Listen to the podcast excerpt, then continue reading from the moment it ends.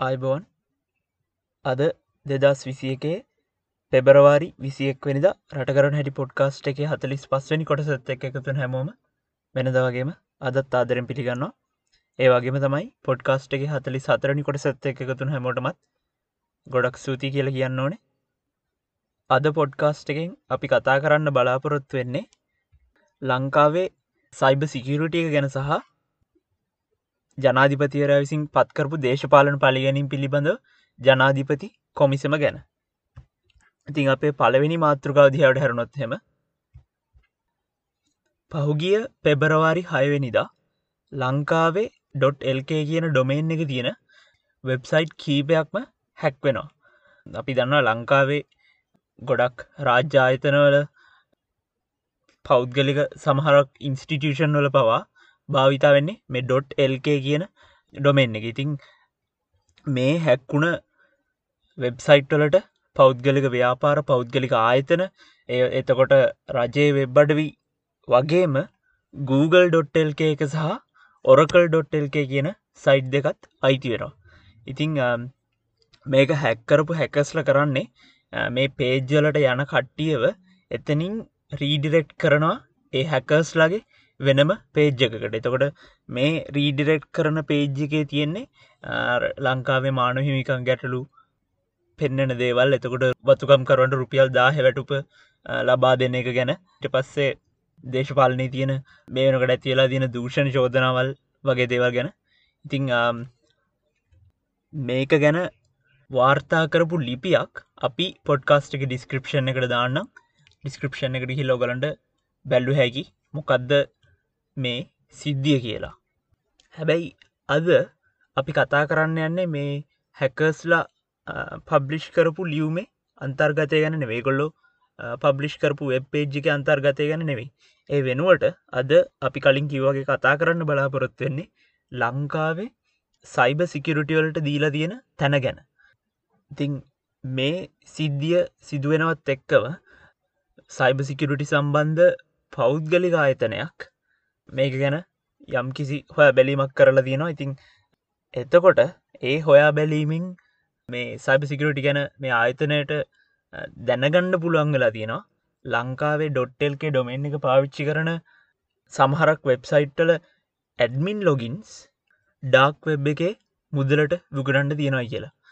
මෙය විකුණන්ඩ ගණ්ඩ දාලා තියෙන්නේ දෙදස් දොළහ අවුරුද්ධින අවුරුදු අටක් නවයක් වෙනකම්ම තාමත් මේ ලොගින්ස් ඩාක් වෙබ් එකේ මුදලට ගන්න පුළුවන් කියලා මේ කම්පැන එක වාර්තා කරලා තියෙනවා.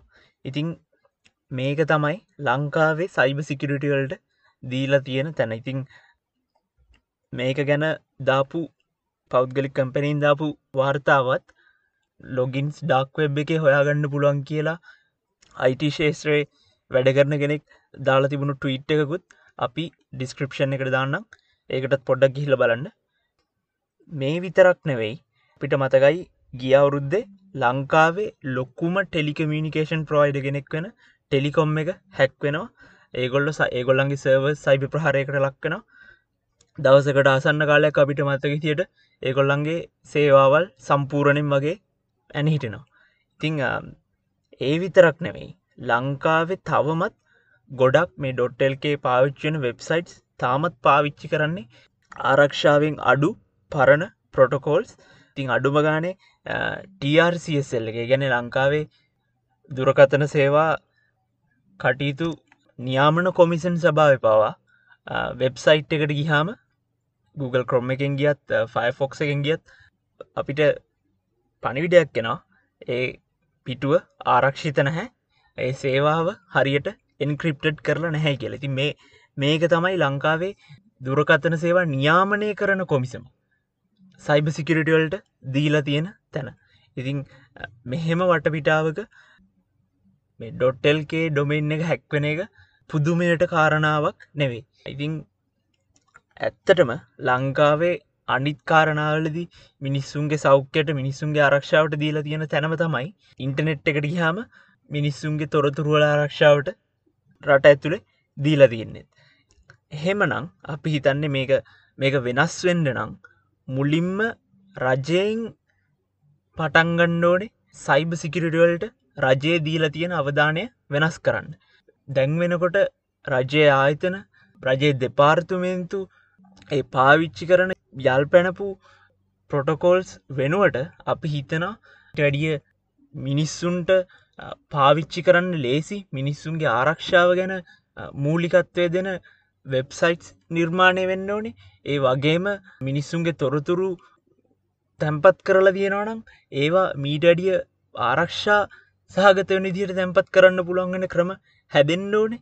ඉතිං ලංකාවේ ලොකු අයිට ඉන්ඩස්ට්‍ර එකක් තියෙනවා. ඒ ඉන්ඩස්ට්‍රිකේ මේව ගැන දැනුම තියෙන ගොඩක් මිනිස්සු ඉන්න මේ මිනිස්සුන්ගේ දැනුම අපිට පාවිච්චි කරන්න පුළුවන්. මොකද තවදුරටත් සයිබ සිකරුටි කියලා කියන්නේ විකල්පයක් නෙවෙයි කැමති කට්ටිය තමන්ගේ සයිබ සිකරුටියක වැඩි කරගන්න කමැති කට්ටිය ඒක නොකරට කමන්නේ කියන දැන් අපිට තවදුරටත් ඉන්න බැහැ තාක්ෂණික යුගයක් ඉන්නකොට මිනිස්සු තමන්ගේ පෞද්ගලික තොරතුරු ඉන්ටනෙට් එක හරහා බෙදාගන්න ඉන්ටනෙට් එකේ තැම්පත් කරලා තියෙනවා. තමන්ගේ බැංකු වැඩ කරන්නේ ඉන්ටනෙට් එක හරහා. බිල්ගෙවන්නේ ඉන්ටනෙට් එක හරහා. එහෙමනං අපිට තවදුරටත් සයිබ සිකිරුටි කියන එක විකල්පයක් හැටියට සලකණ්ඩ බැහැ. ඉතින් අඩුම ගානේ සයිබ සිකිරුටිය ගැන එස්සල්ලෙස් ප්‍රමිතියක්වත් අපි හිතන්නේ හැදෙන්න්න ඕනේ. ඒ වගේම තමයි ජනාධිපතිවරයට මේනකොට තාක්ෂණික අමාත්‍යංශයේ ඇමතිවර හැටියට බලය දයනවා සයිබ සිකරටි ගැන වෙන ඇමතිවරු හරහා තීරණ ගන්න නැතුව තමන්ටම මේක ගැන කෙලින්ම තීරණ ගන්න ICT ඒක වගේ ආයතන හරහා මේ ගැන ප්‍රතිපත්ති හදන්න. ඉතිං අඩුම ගානේ අපි හිතන්නේ මේ මුදල් එහෙ මෙහෙවෙන අවස්ථාවල දිවත් ඒක ආරක්ෂාකාරී භාවි තියාගන්නවත් ක්‍රඩිට් කාඩ්ඩල ආරක්ෂාව තියාගන්නවත් අපි හිතන්නේ මේ නීති එතකොට සයිබ සිකරුටි ගැන තියෙන නීති යාවත් කාලින වෙන්න ඕනේ. ඒවෑ ප්‍රමිතිය ජාත්‍යන්තර මට්ටමකට අරගෙන එන්න ඕනේ.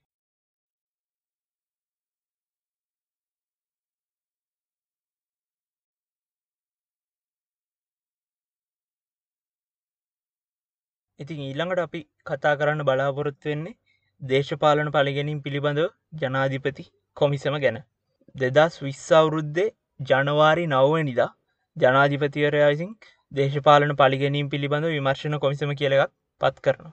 මේ කොමිසමේ අරමුණ එන්නේ අල්ලස් හෝ දූෂණ චෝදනා විමර්ශණ කොමිසන් සභාව FCID CID සහ පොලිස් විශේෂ විමර්ශණ ඒකකේ යන ආයතන විසින් සිදුකරන ලද විමර්ශණ නිසා දෙදස් පහළවේ ජනවාරි මස අටවැනිදා සිට දෙදස් දහනවේ නොවැම්බර් දාසයවෙනිදා දක්වා දේශපාලන පලිගැනීමට ලක්වූවන් පිළිබඳ සහ ආශ්‍රිත පසුබිම සොයා ඒ පිළිබඳ වාර්තාවක් සැකසීම. මේක තමයි ජනාධිපතිරයාගේ ඔෆිසිියල් වෙබ්සයිට් එක මේ දේශපාලන මේ කොමිෂන් සභාවේ අරමුණ හැටියට හඳුන්වල දීලා තියෙන්නේ.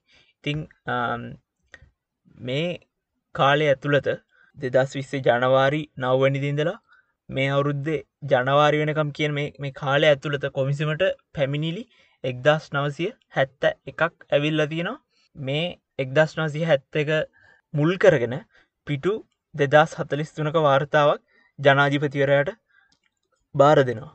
එහෙම බාර දුන්නට මේක තාම පාරලිමෙන්තුවට ඉදිරිපත් කරලත් නැහැ ඒ වගේම තමයි මේක ප්‍රසිද්ධ කරන්න බැහැ කියලත් රජය කියන හැබැයි අපි දැක්කා ජනතා විමුක්ති පෙරමුණ බ්‍රැස්්චීම් ගණනාවක් තියෙනවා. එතකොට ඔවුන් ඒ රැස්්‍රීම්වලදි මේ වාර්තාවේ අන්තර්ගතයෙන් කොටස් කියවන අපි දැක්ක. ඉතින් මේ ගැන පොඩ්ඩක් හොල බැලුහම වාර්තාවේ පොඩි සාරංශයක් හොයාගන්න පුළන්ුණ සම්පූර්ණ වාර්තාවක් මනෙවෙයි එතන තියෙන මූලික කරුණු ගැන තමයි අපිට හොයාගන්න පුළන්ගුණේ මේ වාර්තාව හැටියට. මේ කොමිසමෙන් තීරණය කරලා තියෙනවා යහපාලන ආණ්ඩුවෙන් ඇතිකරපු දූෂණ විරෝධී කමිට කමිටුව නීති විරෝධී ව්‍යස්ථා විරෝධී කමිටුවක් කියන එක. මේ කමිටු තමයි රනිල්ලි ක්‍රමසිංහ ආර් සම්බන්ධන් රව්ෆාකීම් අන්ද්‍ර කුමාර වගේ කට්ටිය හිටි මේ වාර්තාව හැටියට මේකොල්ලො කියන්නේ දූෂ නිරෝධී කොමිසම නීතියට පිටිං ආප එකක්. එක නීතියට පිටිං ඇවිල්ලා නීතියට බලපෑම් කරලා මේ මේ තමන්ට අවශ්‍ය පුද්ගලයන්ට විරුද්ධ නඩුදාන්ඩ ගෙනාපු යන්ත්‍රණයක් කියලා වේ වාර්තාවෙන් කියනවා. ඉතිං ඇත්තටම මේ දූෂණ විරෝධී කමිටුව ගෙනල්ලා කාවද නීති ඉස්සරහට ගෙනල්ලා ඒ ඒ පුද්ගලන්ට විරුද්ධ හරි නීතිමේ ක්‍රියාමාර්ග ගත්තේ.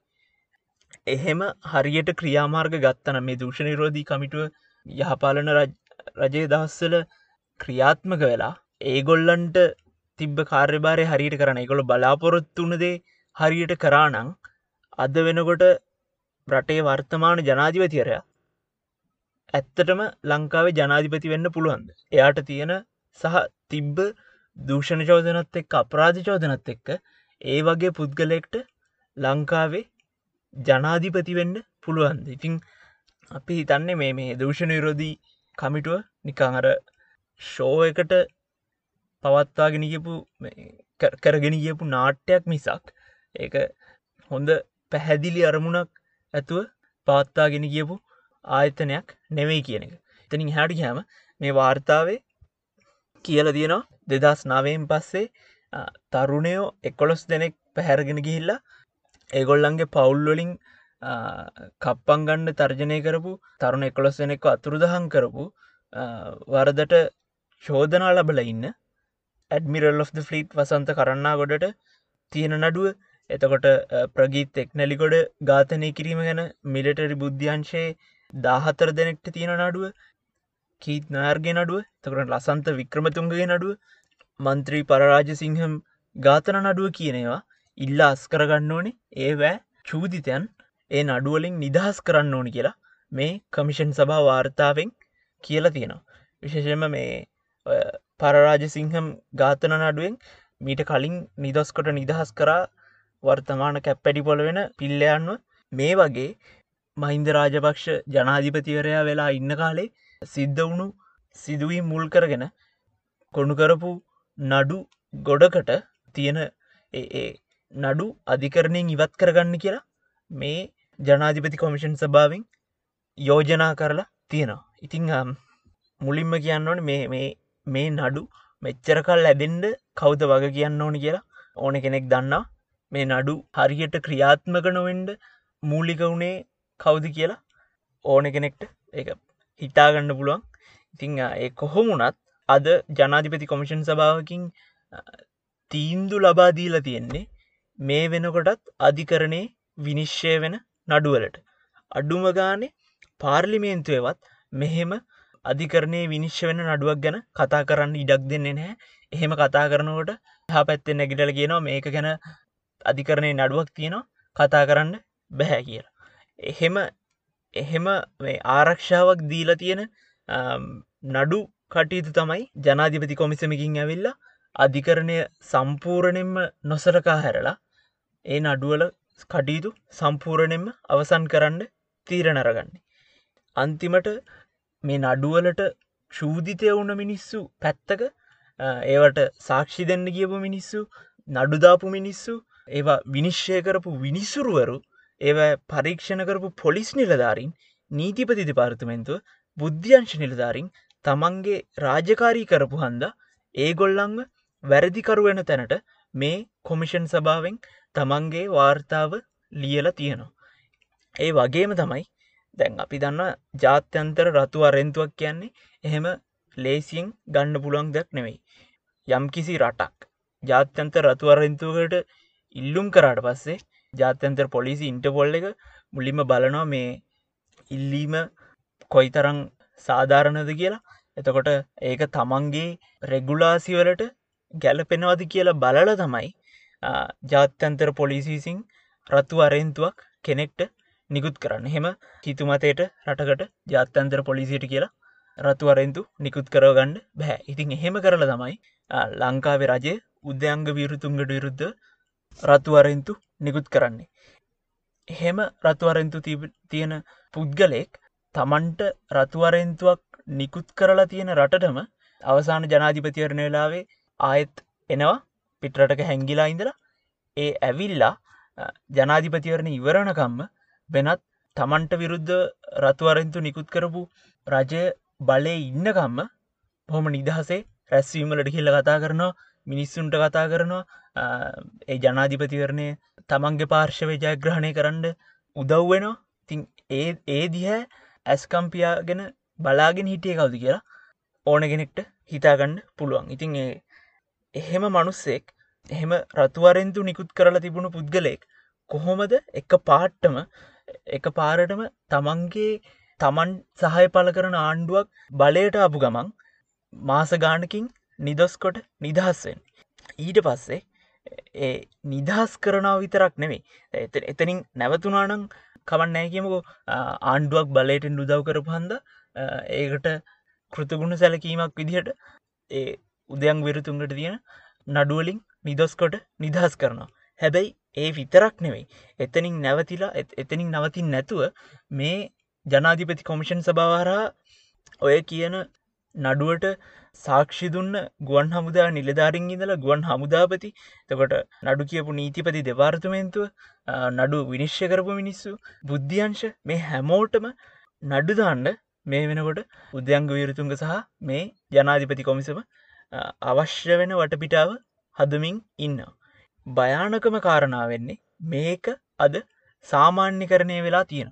අද මිනිස්සුන්ට කිව්හම මෙහෙම ගැටලුවක් තියෙනවා කියලා ජාත්‍යන්තර පොලිසිය පවා චූදිතෙක් කියලා පිළිගත්ත පුද්ගලෙක් අද ලංකාවේ නීති පද්ධතියට විරුද්ධ නඩුමාර්ගයට එනකොට ඒ ගැටලුවක් නැහැ කියලා පිළිගන්න කොටසක් අද වෙනකොට සමාජයේ ඇතිවෙලා ඉන්න ඉතිං ඒ ඒ ඒ වටපිටාව හදල දීල තියෙන හන්ද තමයි යුද්ධේ විකුණංකාපු මිනිස්සුන්ට පුළුවන් වෙලා තියෙන්නේ තමන්ගේ රැකියාව කරපු තමන්ට තියෙන ජොබ් එක කරපු මිනිස්සුන්ම හිරේදාන්න එයාලට විරුද්ධව නඩුහන්න ඉතිං එක රටක් එක නීතියක් කියල කියන්නේ මේ විදිහට තමන්ගේ රස්සාාව කරන මනුස්සයාගෙන් පලිගැනීමද කියලා අපිට නම් ලොකු ප්‍රශ්නයක් ඇති වෙනවා. ඉතින් ඒ විදිහට අදට අපි අප පොඩ්කාස්ට් එක හතලිස් පස්වනි කොටස අවසන් කරනවා. නැවතත් පොඩ්කාස්ට් එක හතලි සයවැනි කොටසෙන් හමනකම් හැමෝටම අයිබෝවන්